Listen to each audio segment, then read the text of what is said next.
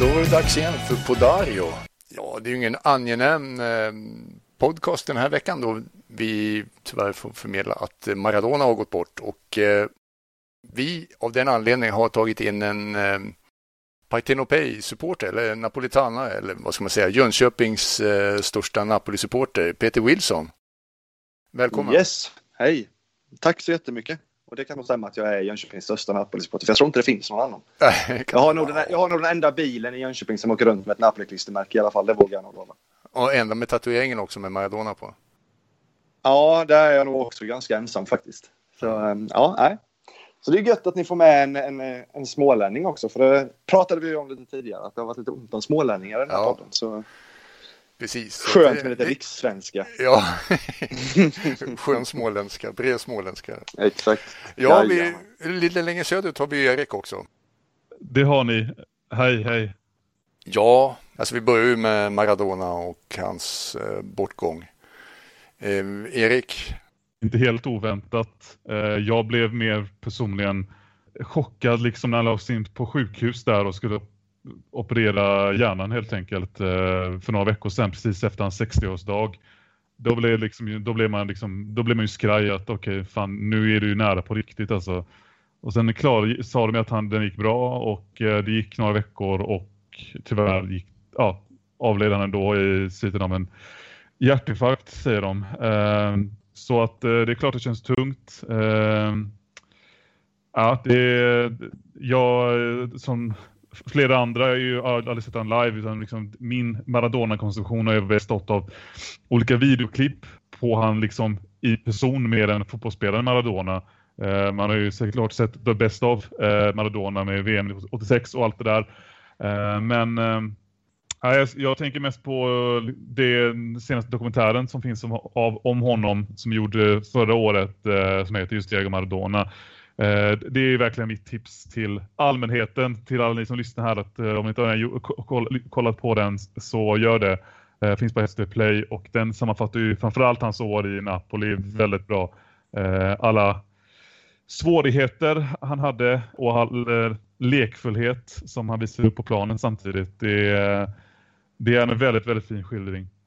Ja, vi kan väl börja lite där och ta upp den pucken som Erik eh, Svar pratade om där med dokumentären. Att har man inte sett den så, så måste man göra det. Den är fantastisk och jag tror den är, den är fantastisk även för sådana som kanske inte eh, var Maradona-fans. Liksom. Man behöver knappt liksom, eh, tycka om fotboll för att gilla den dokumentären. För den skildrar så mycket utöver just bara det här fotbollsspelaren Maradona. Utan det är hela hela samhället, eh, framförallt då nere i Napoli, eh, som skildras i dokumentären. Liksom. Så den är supersevärd.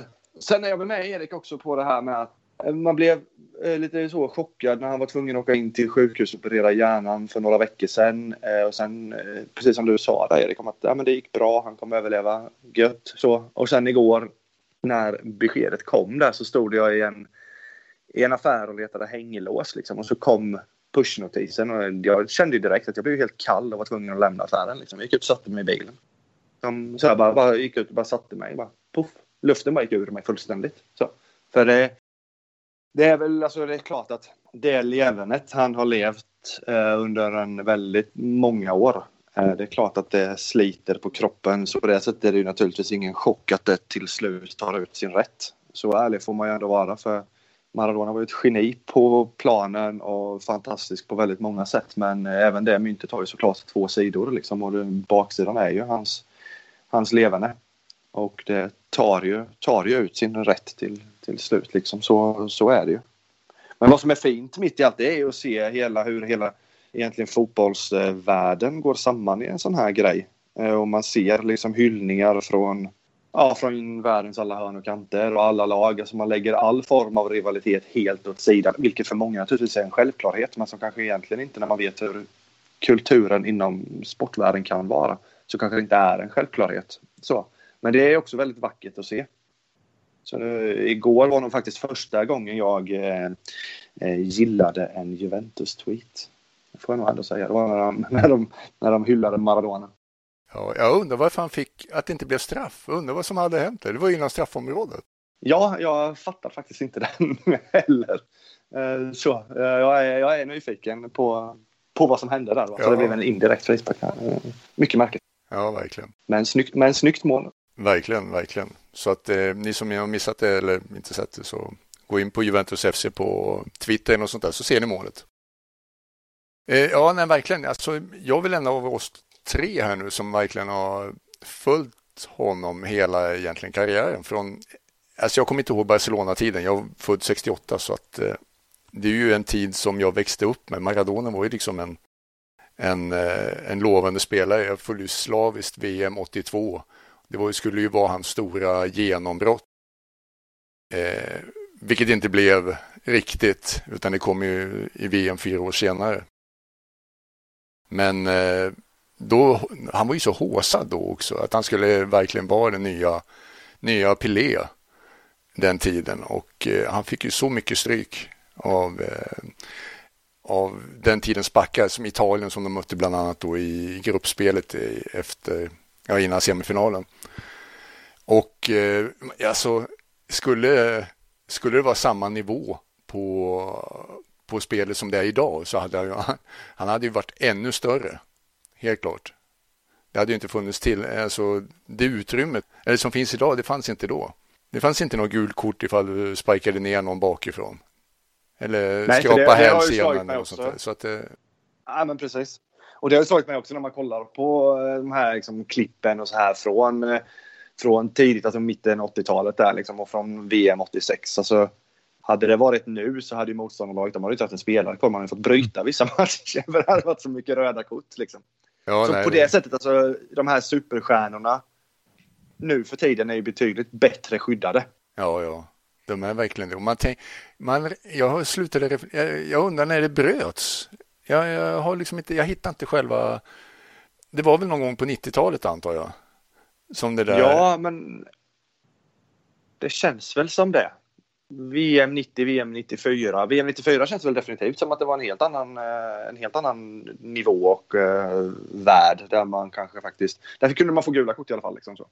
ja, precis. Eh, Men men 90 var det ganska hårt. Ja, VM 90 var hårt. Där var ju Argentina spelade ju inte jättecharmig fotboll alla gånger VM 90. Nej, det var inte många lag som Och Kamerun var ju, Kamerun var ju också ganska hårda när de sparkade ner. Visst var det Kanidja? De sulade ner så det var visslar. Ja, ja herregud, han fick mycket stryk. Ja, han fick riktigt mycket stryk också. Liksom så. Och det var även lite som du säger att VM 90 kanske inte kom sig ihåg för ett, som ett fantastiskt fotbolls-VM. Oh, nu, nu är du ute på djupvatten. inte rent fotbollskvalitetsmässigt i alla fall. Nej, Eller? det är precis. Du, du, det beror på vilken generation man pratar med. Men eh, för mig är det ju så, det är väl 90 så. bland de sämsta VMerna. Men det är ju, pratar vi med Erik så kanske det är en helt annan tonläge. Ja, så Jag såg inte VM 90, jag har bara hört att det inte var underhållande. Ja, nej. nej det var... 98 var det första för mig. Okej, det 98, var så. ja. Ja. Mm. Så du har inte hakat på i hela det här VM 94-tåget då, som alla är med på? Nej, jag har, eh, jag har sett krönikan. Ja, Vi, vi kan väl hålla det där ja men Och- precis. och vara glada åt resten. Ja, Eh, exakt. Men jag tycker det är intressant också med just Maradonas psyke. Att, ja, men på tal om dokumentärer så har väl ganska många nu sett The Last Dance och Michael Jordans liksom så här super super vinnarskalle som han bara liksom, han är sjuk eh, på, under en match men lyckas, en, lyckas ändå hitta något sätt att motivera sig själv att fortsätta och Mm. vinna matchen till slut i slutspelet. Lite sa, samma med Zlatan på tal om ett Mm. aktuellt ämne att de liksom de kan liksom vara den typen av ledare som pushar andra eh, på gott och ont till att eh, få dem att vinna matcher. Det känns ju inte som att Maradona var en sån. Eh, men Maradona var ju å andra sidan liksom exploaterat väldigt tidigt. Snackas om att han, eller det var tydligen så att han liksom blev upptäckt och blev känd som 11-åring och redan då var ju folk i Argentina, de ville ju vara med på det här tåget och liksom håsa honom och en del av kakan. Så att, Mm. liksom, att leva med den här konstiga, i den här konstiga bubblan som 11-åring det förklarar ju ganska mycket till att saker blev, gick som, blev som de blev och gick som det gick liksom, eh, senare i karriären. Och jag menar, han kom ju till ett Napoli liksom från Barcelona, togs emot för fulla läktare och redan där liksom började ju kravbilden. Liksom kom egentligen till en klubb som inte har vunnit någonting. Eh, och som ständigt, alltså bespottad förening, liksom bespottad klubb. Eh, och han kommer dit som någon slags frälsare och, och klarar faktiskt av att ta det ansvaret. Eh, De slutade åtta den säsongen. Ja. Första året med Maradona. Mm, Precis. det var ett fint år. Ja, ja. Ja, det var då eh, Hans-Peter Brigger plockade ner Maradona i premiären på, på Bente Gårder. hade han fått gult kort eh, om det hade varit 2020 tror du? Vem? Brigel? Din favoritspelare där, ja. Hade han klarat sig undan tror du? Eller tog Nej, nej, nej, han hade varit körd. Han hade åkt ut för Han hade varit körd. Ja, ja, ja. ja, ja Det är nej. rätt spännande att se sådana här gamla klipp faktiskt och se hur, lite, hur hårt de här stjärnorna blev tagna. Liksom. Ja, nej, det verkligen är sådär. Men jag tänkte på just eh, när du säger det, men var han hamnar någonstans i Napoli. Om du tänker på den här dokumentären som gjordes, när han sitter där i bunkern i Napoli, eller under San Paolo stadion på intervjun. Han ser ju för fan vettskrämd ut där nästan, Maradona. Undrar, Var fan har jag hamnat Den någonstans? första Ja. vä- välkomstpresskonferensen där. Den är Precis, helt precis. galen. Ja, och de får fråga om Camorran direkt. Liksom, och presidenten blir vansinnig på det och ber dem dra åt helvete i Ja. stort sett. Så att, eh, men också inledningen med bilen. Den är ju helt jäkla Ja. underbar. Jag får Ja, liksom känsla av den, den här gamla filmen Superfly från början på 70-talet. Jag vet inte om ni har sett den. eh, När han Den har jag en, inte sett ska jag säga. eh, huvudrollsinnehavaren tar en fet amerikanare och kör genom New York. Fast det här är den napolitanska varianten av det. Så att, eh, ja, det är verkligen, ja, som sagt, verkligen sevärd. Så att, eh, eh, Skriv upp den på to-do-lista. ja, men om ni vill lyfta fram något eh, Maradona-moment som ni liksom inte är till de vanliga, eller det kan vara de vanliga. Vad, vad skulle du ta fram då Peter? Ja, men då blir det nog ändå liksom när man någonstans man var ju ganska det fanns ju inte jättemycket italiensk fotboll att titta på när han var i Napoli liksom så här man fick ju nöja sig med med Sportspegeln på söndagar liksom och då är det ju egentligen de klippen som man som man tänker på i första hand så här liksom och vad hette han på SVT Sport hette han Janne Lorentzon va? Ja. Ja, jag han sa alltid så här italienska Napoli. Så här, det var alltid ett sånt rakt A där. Så. Och det säger väl också någonting om den, om den tiden och om eh, vår tid nu när vi gnäller på kommentatorer som inte uttalar de mest knepiga namnen rätt. Liksom så här. Men Janne Lorentzon kom alltid undan med italienska Napoli. Uh, men det, är väl, det är väl just de här klippen. Sen är det ju svårt att blunda för liksom, när han eh, dribblar av hela England. Liksom så, eh, efter att han har gjort eh, Guds handmålet. Det är ju svårt att blunda för de, där, för de klippen. Liksom. Men det är för att man blir så enormt matad av dem. Samma som den här uppvärmningsvideon. Den har man ju kanske sett några gånger för mycket. Men den är ju fortfarande den är ju jäkligt skön. Och den säger någonstans väldigt mycket om personen Maradona också kan jag tycka.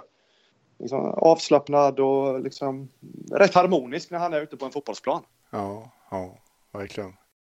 Ja, Jag tar väl upp då i så fall eh, två saker som jag, också som jag reflekterar från eh, dokumentären.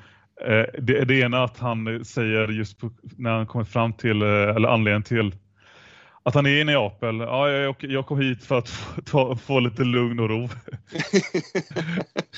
Tänk så fel han hade. Ja, det det gick inte jättebra i Barcelona, så man kan, man kan förstå eh, allsatsen, men det var väl kanske inte det bästa. Det, det är lätt att misstolka den.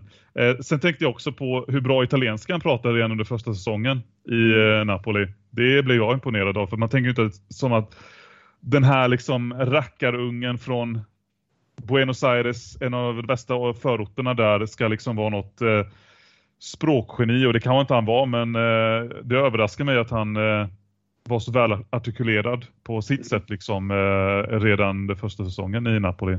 Så eh, det var kul att se, höra. Ja, och sen är det också lite kul och liksom Ja, definitivt. Och det är ju alltid roligt också alltså när de här stjärnorna kommer till nya ligor och nya länder att de faktiskt försöker lära sig lära sig språket. Liksom. Det, det, ger ändå, det skänker ju ändå viss proffsighet åt dem. Det får man ändå ge dem. Mm, verkligen, verkligen. Eh, mitt minne är väl mest, eh, alltså klart 82 som jag kommer ihåg redan innan, men om, framförallt är det ju 86 då som man dominerade, man följde matcherna slaviskt i VMet eh, framför tvn som var kvällsmatcher och allt vad det innebar. Men eh, då kvartsfinalen mot England då när han, framförallt Hansen, jag kommer ihåg hur, men eh, det är ju det är ju hans. men hur man var chockad att det gick igenom och sen gör han det där målet efteråt och man liksom alldeles förstummad. Man fattar vad fan det här kommer ju bli episkt. Redan då fattar man att det var liksom något stort som man hade sett Men så kommer jag också ihåg framförallt eh, hur hårt han var. Eh, Briegel igen här. Eh, men nu när han spelade i Tyskland i VM-finalen 86 då, då tog han ju också Maradona ganska bra. Eh, det var ju bara två år efter att han hade gjort det i Hellas Verona. Men eh, då tyskarna hade kommit fatt till 2-2 sen bara några minuter senare så gör han sån där otroligt smart pass till Boruchaga som sätter vinnarmålet. Och hittar den där luckan. Alltså hårt tag men nu fan ska jag fixa det här, säger han och sen Ja, det var också magiskt. men det är ju de här, det är de här passningarna, de genomskärarna och så här liksom. Det är det där man kommer minnas. Likadant liksom eh, mot Nigeria 94 när Canidia får, eh, när han får frispark och han passar till Canidia. Och där kan jag egentligen tycka att kanske Maradona får lite för mycket cred. För det är faktiskt Canidia som ser att han är helt ren också. Liksom så här. Och, och man ser på de här repriserna hur han gapar efter Diego. Liksom så här. Ja, han skrek ju Diego. Mål, liksom. Diego. ja, ja, visst. Ja, visst, visst. Men om man lyssnar på typ från krönikan och så här så är det bara Maradona som hyllas eh, av det. Liksom. Vilken blick han har, vilken blick han har. Ja, och så ja, ser ja, man på reprisen att ja. Canidia bara skriker Diego. Ja. Ja, men sen är det väl mycket också så här, liksom, tänker jag, eh, utanför fotbollen. Liksom. Att han var ju någonstans alltid på de lite så svagas sida. Det är ju bilden jag har och så här kring, kring det hela. Liksom. Att han var ju inte rädd för att ta, ta en fight mot pamparna. Och han var ju inte rädd för att säga vad han tyckte mot, eh, gentemot Fifa till exempel och hela den här biten. Och det har nog varit, eh, det har nog gett honom en hel del vänner men det har nog också gett honom en drös med fiender. Ja, de, ehm. de försökte nu i National, eller National heter tidningen i Argentina, att få, jag vet inte vad, vilken politisk riktning den tidningen har, men att, att han eh, blev vänster när han åkte på rehab till Kuba. Eh, nu kommer jag inte ihåg, det var 2000-talet. Ja, just det, jag träffade Fidel. Ja. precis, att det började där då, men det känns så fel för att han har väl alltid haft den ja. där patoset om, om Exakt. människors... Tatueringen på Che Guevara. Ja, precis, men det var ju då han startade med dem och, och sen eh, Victor, vad heter han, Victor Chavez, eller han, eh, Venezuelas president, Hugo Chavez, ja. Precis eh, blev polare med honom där. Men eh, han har väl alltid haft det där patoset redan från, eh, från början så att säga. Jag hörde också att han, eh, att han jobbade för att när, när spelarna inte fick sina löner att han jobbade in, nej fasen får inte spelarna sina löner så spelar inte jag i helgen. Och jävlar, då blev det rulle på presidenterna.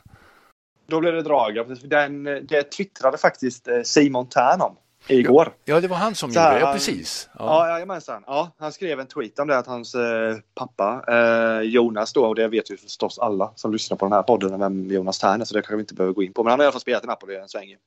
Och då hade Jonas berättat just en historia om eh, Diego där spelarna i laget inte hade fått, eh, fått lön. Eh, och så här. Och då tog han strid och gick upp och krävde att han skulle betala han och så spelade inte han. Och då blev det, då blev det utbetalning så spelade han och de vann matchen liksom så. Så det är, det är rätt gött. Alltså sådana här saker är ju rätt... Eh, det är rätt fint att läsa sådana här saker tycker jag. Det läser man lite för sällan om dagens superstjärnor. Ja, nej, precis. Sen betyder det ju inte att de inte gör det, men, men man läser det rätt sällan. Liksom. Och eh, helt ärligt så är det kanske lite svårt att se dagens superstjärnor ta den fighten. Ja. Det, det, känns ju lite som det är en epok. Alltså, det är min fotbollsepok som, man säger, som jag som född 68 som växte upp i som dör nu på något vis. Eller den avslutas. Okej, okay, nu är det ny, nu är det ny nu går vi tillbaka till andra saker än går till 80-talet. Nu har liksom det avslutats med Maradona här på något vis. Ja, men så, så är det nog faktiskt. Ja, ja äh. nej, men ska vi flyga vidare på Napoli, Erik? Alltså eh, nya, fräscha. Nya, fräscha Napoli. Inte så fräscha just som nu inte, kanske. Jag tänkte säga det, som inte alltid ser så himla fräscha ut. Eh, får man väl tyvärr säga. Det är, det är blandat, det är upp och ner, det är berg och dalbana. Lika bra som de var mot Atalanta och sen så kan de vara liksom fullständigt bedrövliga i vissa matcher. Men Gattuso då, är inte...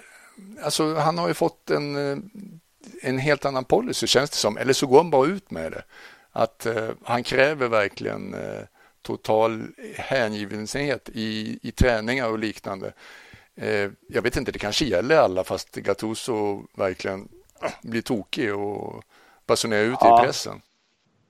Jag tror, jag tror nog att det är lite så att han blir, han har inte den, eh, den spärren där som kanske många andra ledare har så här liksom, utan han, han säger det han tycker och tänker och jag tillhörde väl egentligen dem då när Gattuso kom i, i vintras. Eh, tänkte jag faktiskt att, ah, men fasen det här kan nog bli skitbra som en kortsiktig lösning för då kommer han in med sin med sin grinta liksom och får spelarna att haja ett och annat att nu jädrar, nu är det allvar liksom så här. Men däremot såg jag ju inte Gattuso som en långsiktig liksom så här, utan jag trodde ju att äh, han, han är kvar till sommaren och sen så tar vi plockar vi in någon ny liksom. Men det blev ju faktiskt ett direkt lyft eh, med, med Gattuso. Eh, problemet med en sån ledare som har väldigt mycket känslor och basunerar ut sina känslor till höger och vänster. Problemet med sådana ledare är ju att som spelare blir du ganska avtrubbad mot de här utspelen också till slut, tänker jag. Och till slut så kanske ett Gattuso-utspel inte betyder så jävla mycket. För du har hört det tre gånger i veckan. Att han har blivit förbannad och till slut så bara, ja nu är han förtjurig igen.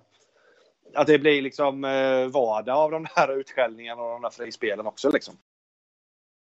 Är som jag ser det en, en risk med det liksom. Nu har han fått förlängt till eh, 2024, tror jag ja. det är. Och eh, det känns ju, vi, var bara ett par avsnitt sen vi snackade om att ja, men, om Aurelio De Laurentiis presidenter ändå liksom kan köra den här säsongen och eventuellt hitta ett stort namn till, eh, till, till nästa sommar då. Men eh, nu när man tänker på det och har den här förlängningen i åtanke, är inte han liksom den perfekta tränaren för Aurelio? Med tanke på att han kostar lite, han är liksom, ja, men han är eldig lite grann Ja. Eller han är, han är frispråkig som han Aurelio själv är. Mm. Och eh, ja, framförallt billig drift liksom. Du, du får ja. en viss lägstanivå.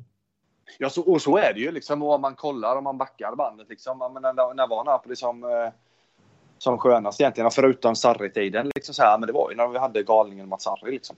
Mm. Då var det ju rätt gött att titta på Napoli också. För då kunde ju också vad som helst hända. Det var ju fullständig hönsgård i försvaret liksom så här. Men man hade ju ändå en galen tränare som som levde rövare liksom. Och det gav ju ändå liksom rätt mycket grund till vad Sarri sen fick liksom förvalta. Eh, så det är klart, och jag gillar ju någonstans också att man har en, eh, alltså fan Napoli är ju en galen klubb på väldigt många sätt med en galen president och det är klart att det ska finnas en galen tränare. Liksom. Kan inte vara så, det får inte vara så för välkammat liksom. Nej, verkligen inte. Men eh, alltså protesterna nu från spelarna var, så nu tog Koulibaly bort att vi inte alls emot Gattuso och hans eh, stil. Eh, men är det någon ryktesspridning från tidningarna tror du? Alltså, oftast är det väl, alltså det är ju rätt sällan det är helt rök utan eld. Det ska man väl ha ganska klart för sig. Alltså det, de skriver ju inte saker om det inte finns någon form av sanning i det. Så det kan ju mycket väl vara så att någon har liksom, det kan ju vara att man har sagt någonting i affekt eller vad som helst. Liksom bara fan vad jobbig han är. Typ så. Alltså lite sådär liksom om man har sagt det kanske lite off the record eller liksom så här i, i förbifarten. Liksom så, här. Um, så det kan ju ändå finnas ett litet uns, ett litet korn av det. Liksom så här. Och det är väl lite så tillbaka till det jag var inne på lite innan där att man kanske framförallt i stridens hetta lite också att man kan bli rätt trött på en ledare som med för mycket känslor liksom. Kan jag tänka mig. Men han måste ju fixa Champions League. Det är väl ett ja. minimikrav. Jag, jag, alltså, om man har haft en hel vi kan säga att hela sommaren nu var ju som en försäsong i och med att de säkrade Europa League-spel direkt med Coppa Italia-vinsten. Ja. Så om man har haft en hel tävlingsförsäsong plus och inte klara Champions League ändå, då finns det ingen anledning för eh, Aurelio, trots konkurrensen ändå som är runt fjärdeplatsen där, att behålla tänker jag, om nu bättre namn eller större namn finns att tillgå. Nej, men så tänker jag också. Alltså Champions League ska de ju klara av. Och det har, det har ju Napoli har ju trupp för Champions League för att klara av. Och komma topp fyra. Så det ska man klara. Sen är det ju ett minus, minustecken. Alltså, nu vet inte jag vad du försöker säga, men om man går in lite på truppen där. Ja, det är det ska säga. ja, men det, är, det är ju liksom minus eh, alltså så på deras eh, sommarfönster. Där, att man inte lyckas skeppa iväg Lorente och, eller Lorente och vad heter det, Milik egentligen. Liksom så. Alltså vad ska de med dem till? Och att man inte lyckas att man inte lyckades kränga Milik som ju ändå har varit ute och gnällt och så här. Liksom. Det är ju ett underbetyg. Får man ändå säga. Även ifall det berodde ju på lite omständigheter med Dzeko och hela konkarongen. Det var ju en hel... Det var ju en hel liksom... rad av spelare som skulle lämna för att Milik skulle lämna också. Liksom så. Det blev ju mycket, mycket stök där. Precis, det var, ju, det var ju ren pengafråga egentligen från de andra klubbarna eftersom eh, det blir mer byte nu än att det blir köp och sälj eftersom eh, ja. ekonomierna är sisådär. Hos Roma bland annat då. Ja. Så att eh, det är ju förståeligt så sätt. Men är han eh, tredje val då? Alltså Milik är ju tredje val på anfallsplatsen. En plats. Milik liksom. är nog inte ens ett val just nu. Han är väl inte ens med och tränar med A-laget. Liksom. Jag tror han ah, okay. kör individuell träning. Så han är ju... Han är längre ner än... Alltså han är längst ner i frysboxen. Mm. Så han är ju... Han är så långt ner som han tittar upp ser han botten liksom. Där är han ju någonstans. Ja. Nej, jag vet att han inte spelat. Hoppas väl få lösa en eh, klubb i vinter så han kan och hoppas på att det blir mycket landskamper så han får speltid igenom där. Liksom. Att, de inte skickar, att han inte skickar en till Bari då? Ja, men vad som helst är bättre. Liksom. Ja, jag det menar, är förnedring. Är det, förne det andra är inte förnedring, då? vad är skillnaden? jag tror det är... Alltså, var går gränsen? Ja. Jag tror han hade, jag tror hela han kör, kör individuellt i Napoli än uh, spelar Serie C faktiskt. Ja, nej, precis, så är det. Ja, ja. Nej, men uh, vad har vi mer på Napoli då? Som, ja, det är ju stadion nu. Ska vi byta namn?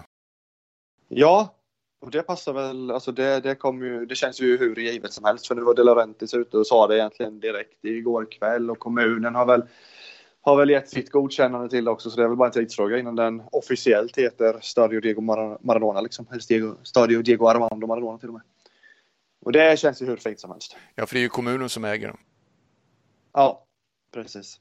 Det är väl där också det har varit det stora bråket mellan De Laurentiis och kommunen. Det har väl eh, det har ju varit rätt infekterat och rätt stökigt där kring vem som ska betala upprustningar och grejer av San Paolo. För det är ju inte världens fräschaste arena, även ifall den har fått blåa och fina stolar. Ja, alltid något, men eh, som sagt. Ja, ja men lite så. Men Italien, de behöver alltid något mästerskap för att rusta upp, så är det. Ja, så liksom så du fattar. Sist de hade ett mästerskap, det var 90.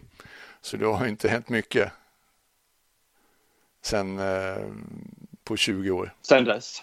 Nej, Nej precis. 20-30 år är det ju. Herregud, det är jag som ja, är... Ja, just det, det är det till och med. Det är 30 år sedan. Erik, ska vi fortsätta med Napoli eller ska vi hoppa på Conte och Inter? Ja, jag tänkte på eh, om vi, om vi stannar där vid, eller fortsätter vid eh, övergångarna från i år. Demme och Lobotka.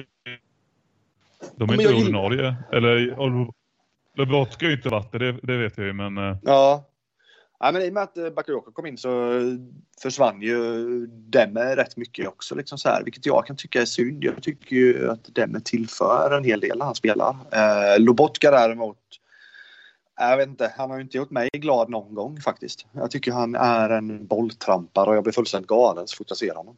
Mm. Eh, tyvärr så, eh, jag vet inte, honom borde de ju på något sätt bara lyckas skeppa iväg. Jag hoppas att de lyckas med det nu i januari. Uh, nu såg ju inte jag honom någonting, det kan jag väl villigt erkänna i Spanien liksom så här. Och, men när man pratade med folk som, som hade sett honom så bara ja men det är en bra värvning, han kan göra susen för, för Napoli liksom så här. Men nej, det där susen har jag inte sett så jävla mycket av. Nej, jag, jag, fast, jag fastnade för honom i U21-EM 2017 när han spelade för Slovakien och då ja. Tyckte han så jättebra ut. Så jag trodde det här skulle vara en bra värvning eh, för ja. Napoli. Men eh, ja, nej det det, det, det, har inte gått så väl ut eh, såklart. Nej. Uh.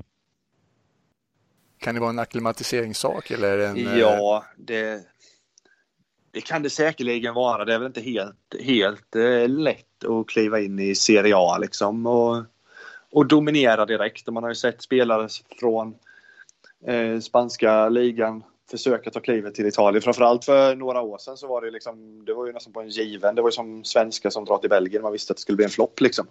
Eh, så nu har de ju skärpt till sig lite mer där och det finns ju många spelare som har kommit från Spanien till Italien och gjort det bra liksom. Men visst kan det vara en sån akklimatiseringsfråga men han, jag vet inte. Inte i Lobotkas fall är jag rädd. Så jag tycker han visar på tok för lite liksom. För att, för att det ska kunna för att det ska kunna bli någonting av honom. Mm. Däremot är jag lite sugen på, på din gamla mittback där, Ramani. Ja, jag är med nyfiken på vad det kan, vad det kan bli av honom. Jag har inte heller, de har inte heller sett någonting av i, i Napoli än så länge. Ja, backen ja. Ja, ja. ja. Uh, nej, han är inte skadad. Han uh, gör en Jari Littmanen. Spelar ingenting i klubblaget, spelar i landslaget. Liksom. Ja, ja. Uh, för, det kanske var, var det en liknelse som tillhör den äldre generationen. Det kan ha varit ja, så. det gäller ju inte Littman i MFF får man säga så. Nej. Eller, det är till en viss grad. Till viss grad han var ju mycket skadad då. För då var det inte det landslaget heller. Så. Nej, precis. Uh, nej, men alltså. Nej, han är inte skadad utan han spelar i landslaget. Så här, han är väl bara bakom uh, Koulibaly och gänget liksom så. Nej, han litar inte helt enkelt på honom riktigt än. Eh, helt klart, det är ju så. Ehm, Ja, alltså, jag tycker han kanske var lite överhåsad. Okej, Okej, han passar bra i hela Sverona, men eh, jag var väl överraskad att Napoli dök på honom. Jag skulle nog sett mer en, inte så stor klubb som Napoli, utan kanske någon annan. Eh, Fiorentina mer än något sånt där som man skulle gå till. Eller, eller någon sån här mellan som inte har aspiration på Champions League i alla fall, eller som inte har chans att gå till Champions League. Så att eh, det var lite överraskande, men det var väl bra, bra jobbat av eh, hans agent och Ja. Men tror du han kan eh, vara någonting för Napoli på sikt då? nej, jag tror det är, jag tror det är kört faktiskt. Alltså jag tror inte han har kvaliteten för det. Att han är för ojämn i, i, i, spel, i sitt backspel och och sen, han är ju väldigt eh, anfallsvänlig men han har ju inte kapacitet i det heller riktigt ändå. Så jag, jag, känner inte han som en framtid för Napoli.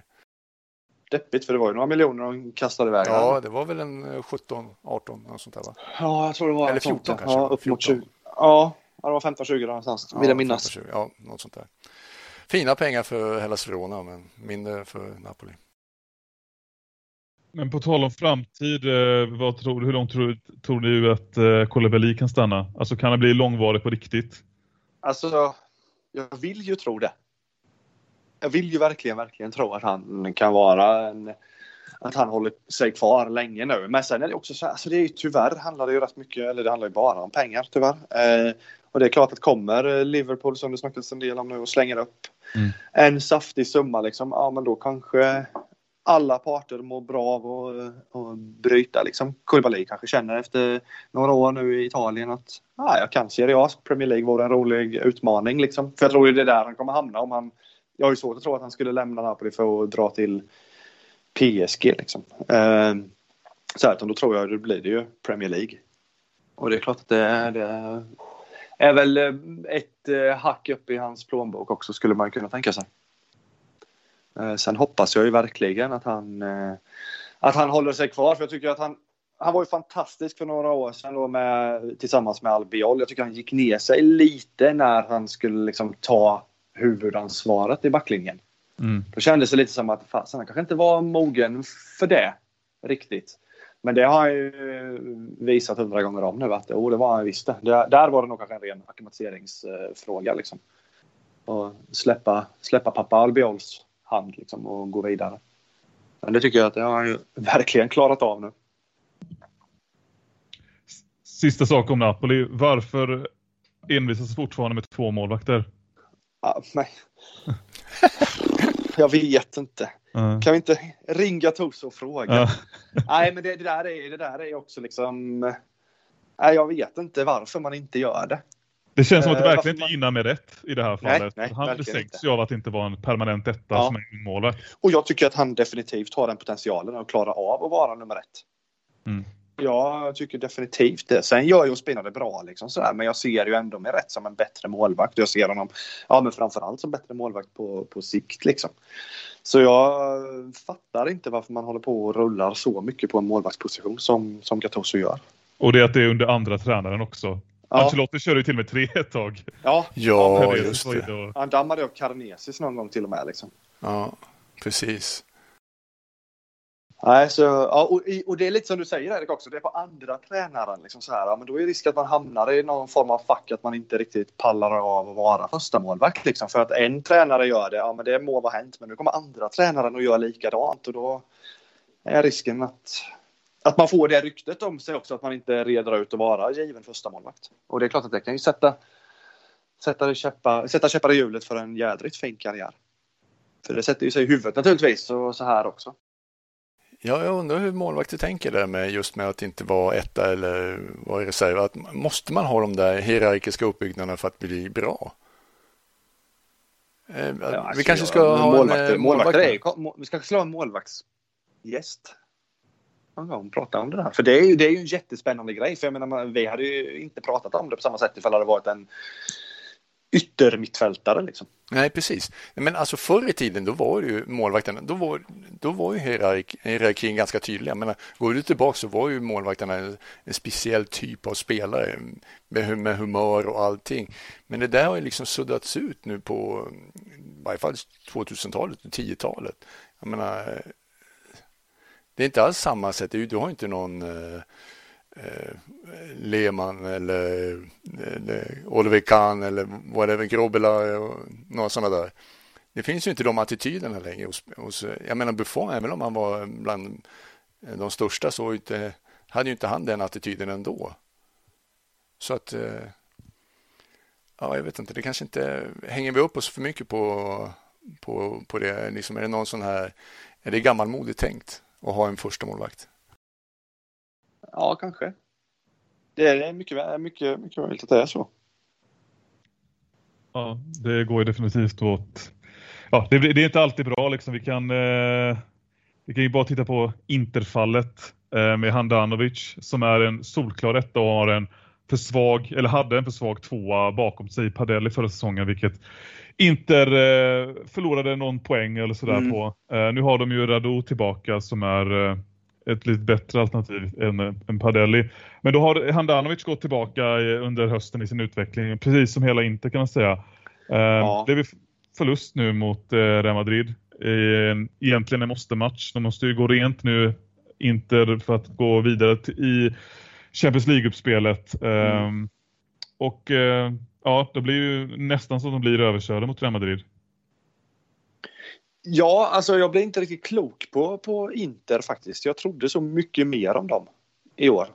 Eh, det känns som att de har, eh, de har värvat ett färdigt, alltså till stora delar ett färdigt lag. De, är, de har värvat för att nu jäklar, nu ska vi vinna liksom. Och kanske deras stora chans, precis som många andra klubbars egentligen stora chans att vinna när Juventus uh, hackar som de gör också om man pratar om ligan så här liksom. Men det blir, vill sig liksom inte riktigt för, för Inter och Conte jag vet inte. Hänger han löst kanske rent av? Liksom, har de två poäng på de första fyra matcherna i Champions League? Det är ju inte supergodkänt i, eh, i ett lag som inte att ligga två poäng bakom Shakhtar Donetsk. Liksom. Det ska de ju inte göra. Nej, Nej. Conte har väl det löst hela hösten. Ja, det känns som det. Det känns som det. Och Conte och Champions League har inte varit bästa vänner mm, någonsin väl? Eller? Nej, verkligen inte. Nej, det har de väl inte va? jag, jag, tänker också, nu, nu, nu, sen är det den här spelarhanteringen. Eriksen slängs in de sista minuterna mot Real Madrid. Mm. Och, ja, ja, det, och det är under en match där inte liksom helt förlorat mittfältet. Alltså i första halvlek så de passar ju verkligen förbi bara, alltså även innan utvisning på Vidal så passar ju liksom inte bara, eller Real Madrid bara förbi Inters mittfält och ja. försvaret i sig var ju ganska virrigt på många håll. Eh, så det fungerar inte alls. Eh, men då är, ja, nu har vi den reella verkligen risken att Eriksen lämnar i eh, januari. Mm. Så... Ja, men där kan man väl sagt om en, egentligen en supervärvning som aldrig har fått chansen. På riktigt. Alltså så, han, vad har hänt med honom? Varför, varför spelar man inte honom mer än vad man har gjort? Är det inte på grund av att Conte är så otroligt fast vid sina principer om eh, hur han vill ha spelet, att han inte är öppen? Ja, det måste ju vara så liksom att han har sina låsningar där. Ja, att han vill ha det på ett visst sätt och spelar inte Eriksson, Eriksson på det sättet så anpassar han sig inte till Eriksens sätt att spela fotboll utan han, han får gå helt enkelt. Mm. Ja, det, det, det, är klart, det kan ju vara, på vissa lag måste det, kan det ju vara så. Jag tror kanske på lag som är lite sämre så kan ju sånt där funka. Men kommer man till klubbar med, med Inters potential och liknande ja. så funkar det inte utan då måste individen också få sin sitt utrymme också. Ja, och du värvar ju inte Christian Eriksson utan att ge honom chansen. Nej, nej, precis. Alltså, du ger honom ju chansen, men du ger honom ju chansen att göra som Antonio Conte vill. Ja. Annars, basta. Men det är det jag menar, alltså, man måste vara flexibla. Jag tror, ja, och Conte är väl inte helt enkelt det. För medan när hoppade han in igår? Var det tio minuter kvar? Knappt va? Mm. Ja. Så eh, ja, när det är att man inte ger att, att, att liksom det, han insisterar ju hela tiden på att spela i princip samma spelare mm. längst bak i planen. Nu gick ju liksom när Brozovic är borta så gick eh, Gallerin in bredvid Vidal. Så det är ju mm. aldrig något tummande det där från Conte utan Conte ska ju alltid spela Eriksen framför de här två ja. centrala innermittfältarna. Och eh, ja, nu när, när en av dem, det är inte bara Vidal, men när framförallt Vidal gjorde bort sig igår.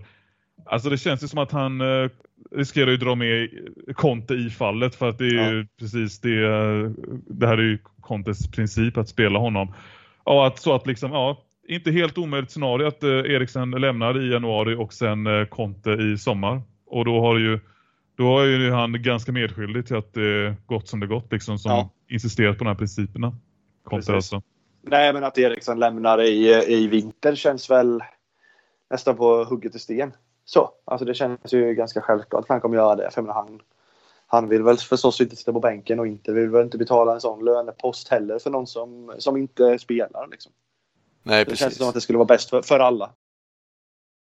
Jag läste en eh, intressant kommentar angående Vidal då, i, då på Twitter häromdagen. Att eh, de här två gula korten som var helt onödiga, i varje fall det sista, jag menar snacka i. Mm. Eh, att problemet var också att det är ju Handanovic som är lagkapten. Mm. mm. Han är ju otroligt långt från händelsernas centrum när sånt där händer. Han är ju inte den som kommer fram till Vidal och snackar med honom eller eller prata med dem, eller är i centrumet och kunna ta tag i det. Han är ju långt bak, det är klart som fan. Det är ju en stor brist. Ja, därför är jag ju lite anti att ha målvakter som lagkaptener. Liksom. Sen finns det ju några stycken som, som är det. Eh, så. Men eh, just det här med att de är så långt ifrån händelserna i väldigt många fall eh, är ju ett jätteminus med att ha en målvakt som kapten. Mm. Jag tror Ashley Young försökte, försökte mest där, men han är liksom ja, han har inte den, han är inte så högt i hierarkin inte. Dels att han bara kan knuffa undan Vidal och eh, så var det nog mest för att Young förstår domaren Taylor. Ja, ja, ja. precis, precis. Så var det också. Men Taylor förstod, förstod tydligen Vidal också. Och så man kan ju bara, bara undra vad han sa då. Eh, ja, förutom då att han bröstade upp sig nästan och liksom var nästan i fysisk kontakt med Taylor. Ja. Det är inte första gången Vidal gör de där grejerna. Just det här med uppbröstningen. Liksom. Vad, är, vad är grejen med det? Och, men som sagt, och sen är det lite som du säger också att man undrar lite vad, vad, vad de här spelarna vad de, vad de säger när det brinner till. Liksom. Mm. Ja, precis. Ja. ja, vad vet man? Vad vet Men det var, det var inte. Ja, men vi, det är mycket Sydamerika i det här programmet så vi bara fortsätter med från en argentinare till en chilenare tillbaks till en eh, argentinare i Paulo Dybala vad det är som händer med honom där i eh, Juventus för att den här dåliga formen fortsätter ju och eh, medan Ronaldo går som tåget nu när han är tillbaka från covid-sjukan. Mm. Alltså generellt kan man ju säga att Juventus som lag har ju gått bakåt sedan Ronaldo kom och det var ju väldigt lång tiden det inte alls klickade med Dybala. Sen gick det igång igen, de spelade jättebra, tog laget till Scudetton i somras. Men nu ser de inte ut att funka i Pirus spelsystem. Nej. Är det läge att liksom är det läge att offra Dybala? Är han, eller är, för jag har varit inne på linjen att du, kan, du måste ha hittat plats för honom för att om Juventus ska kunna vara ett av Europas bästa lag så måste du ha en, en sån spetskompetens mm. som, eller de hans spetskompetenser som Dybala har på planen. Men det, har vi kommit till den punkten att ja, han är inte tillräckligt bra helt enkelt? Oh, den är ja, tuff. Precis. Säga att Dybala inte är tillräckligt bra. Den, mm. den tar ju emot. För han är ju, trots att han spelar i Juventus, så är han ju, alltså, han är en favorit. Jag tycker han är fantastisk och jag håller med dig. Alltså, en sån spelare måste man kunna ha plats för. Jag tänker i, I paritet lag, liksom, till övergångssumman som hade gett. För menar, säljer du Dybala ja. så får du 78 miljoner euro ja. minst. Och då kan man tänka att okej, okay, det är nog värt det att offra honom så. Det var det. Och det tror jag nog faktiskt att det är. Om man tänker att om man, om man räknar in den inte helt eh, oviktiga pariteten med vad heter det, med eh, övergångssumman som kan bli. Så är det nog faktiskt det. För Dybala är ju också, det är ju ganska tydligt att han är en spelare som mår, alltså han, han är bra när han mår bra. Men nästa steg då, vad är det? Är det bara att inte ta in någon ersättare eller och köra Kulusevski till exempel som... Eh, ja, ja. det tror jag. Och du tror att det skulle funka bättre? Det funkar ju ganska bra bevisligen, eller det funkar ju bättre just ja. nu.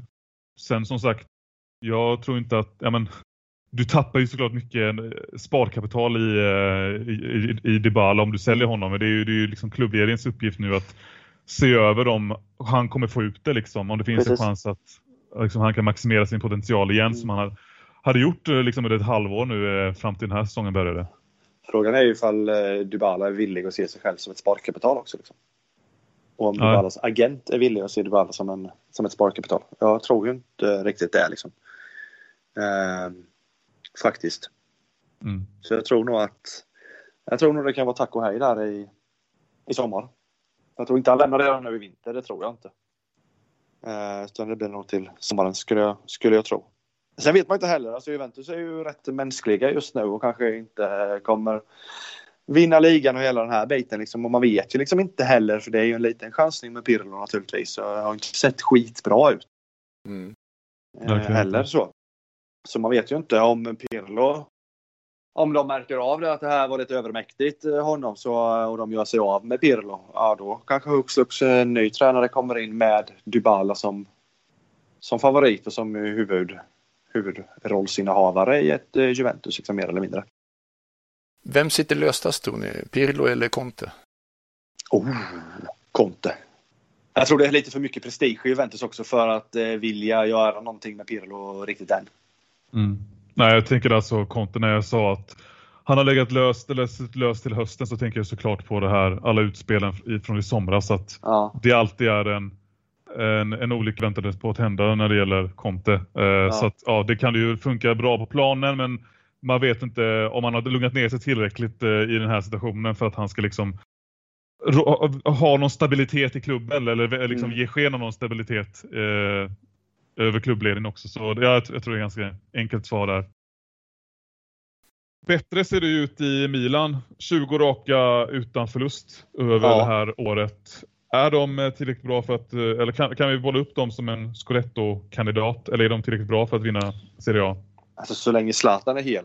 Och det är han ju inte just nu i alla fall, men nu snackas det väl om att han bara ska vara borta en vecka eller två kanske. Eh, och då, är, då är de ju faktiskt det.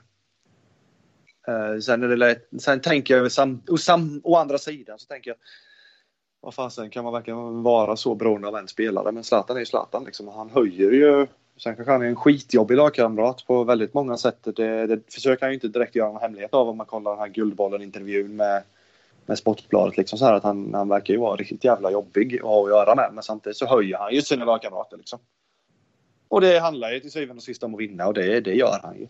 Så ja, de är nog faktiskt det. Fast jag, tänkte, jag läste en intervju med Erik Niva. Mm. Alltså jag fick ju ändå känslan av att det är det här med bollen, som med Maradona, släng in en boll till honom så, så gör jag någonting med den. Alltså det är liksom, han springer efter den som en, som en hund. Och det är lite så med Zlatan också. Okej, han springer kanske inte efter den, men han, han, älskar ju bollen. Och det känns ju liksom som nu att han efter åren och liksom känner shit, jag älskar verkligen det här jobbet på något vis. Ja. Och att han liksom mm. en hel, kanske inte den här det är inte den här revanschgrejen mot alla andra längre. Den är inte lika stark som det var förut, utan nu kanske det är mer den här, ja fan, det här är jävligt kul. Ja, ja men det är precis det jag nu säger, att liksom Uh, han springer ju mindre än någonsin för att han har insett att han kan inte göra det utan han måste ju koncentrera sig på att vara uh, sluta hämta boll långt ner på uh, liksom även till med på en planhalva och uh, bara fokusera på det han ska göra bäst i att avsluta bollen i mål. Um, och att han skadan där i Man United fick ju honom lite grann att inse att ja, nu vill man verkligen tända till här. Uh, sen tänker jag att Milan också ser väldigt bra ut. Alltså jag, jag, jag, tror ju på att de kan, precis som Peter säger där, att så länge Zlatan spelar så är, är de, kan man inte utesluta dem från det här titelracet. För att de har ett väldigt bra försvars... Uh, ett väldigt bra mittbackspar nu. Ja. Kjär som spelar bättre till och med än Romagnoli. Och så har de ju liksom fina ytterbackar där. Eh, jättecementerat innermittfältspar. Liksom Tonal inte har en plats alls. Eh, jag tror inte han skulle få en liten Eriksen-situation men bara skillnaden att Tonali är nästan tio år yngre. Ja. Um, men han, han, får ju vänta snällt och med mössan i handen liksom, kanske till och med till nästa säsong på en, liksom en startplats. Och såklart att alla i anfallet underkastar sig verkligen eh, Zlatan och verkar inte ha några problem med det. Liksom. Okej att en Sälemerkes liksom är han får ta sina utskällningar så länge han, ja. men han kan ändå leverera bollen till Zlatan. Men även liksom en Rebic verkar ju vara, fatta grejen också att eh, det finns bara en kung där uppe. Ja. Så. ja. Jo, men så bra som Rebic är nu har han väl inte varit tidigare, liksom, tänker jag. Utan att ha superkoll på hans eh, bakgrund så att säga. Men det blir, är, finns ju några spelare som alltid blir så jädra bra när de spelar med Zlatan. Och det är ju de här som, som också liksom lär sig och tvingas kanske eh, också förstå att ja, men det, finns en, det finns en kung i den här stan. Liksom. Och har man kommit dit här och man är redo att göra det jobbet för Zlatan, som ju också då naturligtvis blir för laget, är det då det blir jädrigt bra. Ja, precis. Jag menar Rebic, eh, när Zlatan kom i januari så var det en jäkla skillnad på Rebic. Han har ju varit totalt, alltså sen liksom han kom från Frankfurt där han var väldigt, väldigt bra med Luka Jovic då så har, var han ju totalt iskall förra hösten och var ja. ju, och jag vet inte om han hade typ, hade typ åtta starter eller sånt där. Eh, var ju liksom en inhoppare och sen ja. hände det här när Zlatan kom. Eh, så, han spelade ju Fiorentina förut innan han kom till Frankfurt. Och han blev utlånad till Hellas Verona och jag vet inte, fansen utsåg han nog som Veronas sämsta spelare den säsongen. Ja, han var riktigt urusel faktiskt. Det var, han passade inte alls in i, i spelet. Där. Jag kommer inte ihåg vem som var tränare. Var det Del Neri då eller om det var Mandolino fortfarande? Men i alla fall, han var, ja, det var, han var rent kass. Och då körde han i samma position som han har nu i Milan. Men han var ju också dålig i Milan i början för att jag tänkte också det när han värvade. Jag var tveksam när han värvade Rebic för jag trodde att han, att han skulle passa in i Gianpaolos system. Uh, han, är ju, han är ju liksom en väldigt, inte klassisk ytter, men det, det, det, är ju en ganska smart ytter, men inte liksom den bästa centrala anfallaren eller någon trekvartista. Uh, eh, och det var ju mycket riktigt att han inte hade någon given plats eller någon bra plats under i Gianpaolos spelsystem. Så det får ju också cred till Pioli för det med. Mm. Verkligen, verkligen. Ja, det känns som att Pioli har ju hajat grejen där liksom kring hela det arbetet. Precis, vi tog ju upp det för var det två avsnitt sedan just med samarbete mellan Pioli och eh, Zlatan då att eh, det klaffar. Alltså att det, de har liksom, de har hittat nivån som de kan eh, kommunicera på väldigt bra. Eh, ja. Och jag tror inte, om, om Zlatan kommer bli skadad så här vartefter under säsongen så tror inte jag det är så farligt för Milan. Faktiskt. Jag menar om han kommer tillbaka och spelar i månad, borta en, två veckor, spelar i månad.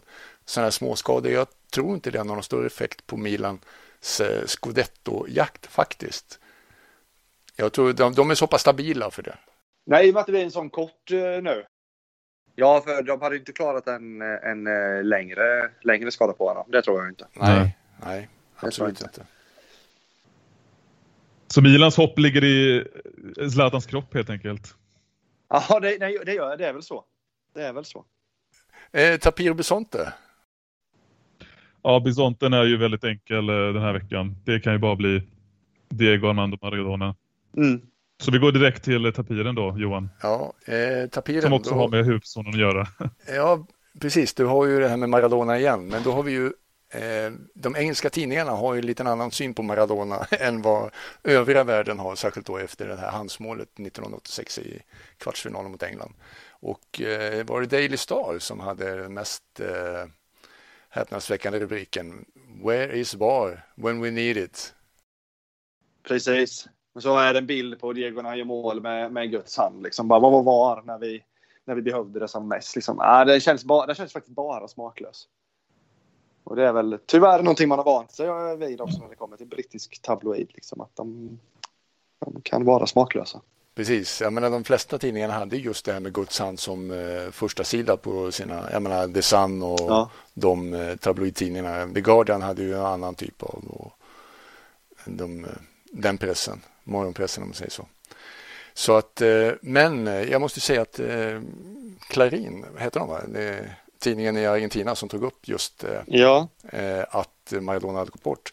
De eh, visade då runt om i världen hur olika tidningar hade fört sig så att säga angående Maradonas död och de, var inte så, de tog inte upp Daily Star men de tog upp The Sun om deras framsida och de tyckte inte det var något konstigt med det, varken bu eller bä i det, men de var berömda dem för att de tog fram det andra målet i sin tidning eller i, på sin hemsida som kom efter Guds hand. Så att det var för dem var det inget problem. Känns det som ett mer ett eh, överdriv över det? Ja, det kanske, alltså, man, kan, man kanske till och med man skulle, man kanske kan se det som någon form av hyllning. Jag vet inte. Eh, ja, precis. Jag, tyck, jag, jag tycker ju, ja men precis. Att, eh, jag tycker ju som mest bara ser det så här, ja, men en, världens genom tidernas bästa fotbollsspelare precis avlidit och de börjar gnälla på VAR. Liksom. Alltså börjar ropa efter VAR. 40 år senare. Eh, det vad blir 30 år senare, 34 år senare. Det är liksom, då blir det så här bara, vad fan, kom igen nu, höj er nu liksom. Men precis, det är väl på något sätt en, som du säger, en liten hyllning i det liksom, åh, det där efter 30 år, efter över 30 år så fortfarande så matas det där liksom i, i skallen och ja. ja. Man kunde ju också se på engelska landslagets eh, Twitterkonto att de la upp två bilder eh, efter dödsfallet då, där en var från någon säkert vänskapsmatch mellan England och Argentina. Eh, om det nu fanns någon sådana på 80-talet med mm. tanke på vad som ja, hade hänt rent politiskt.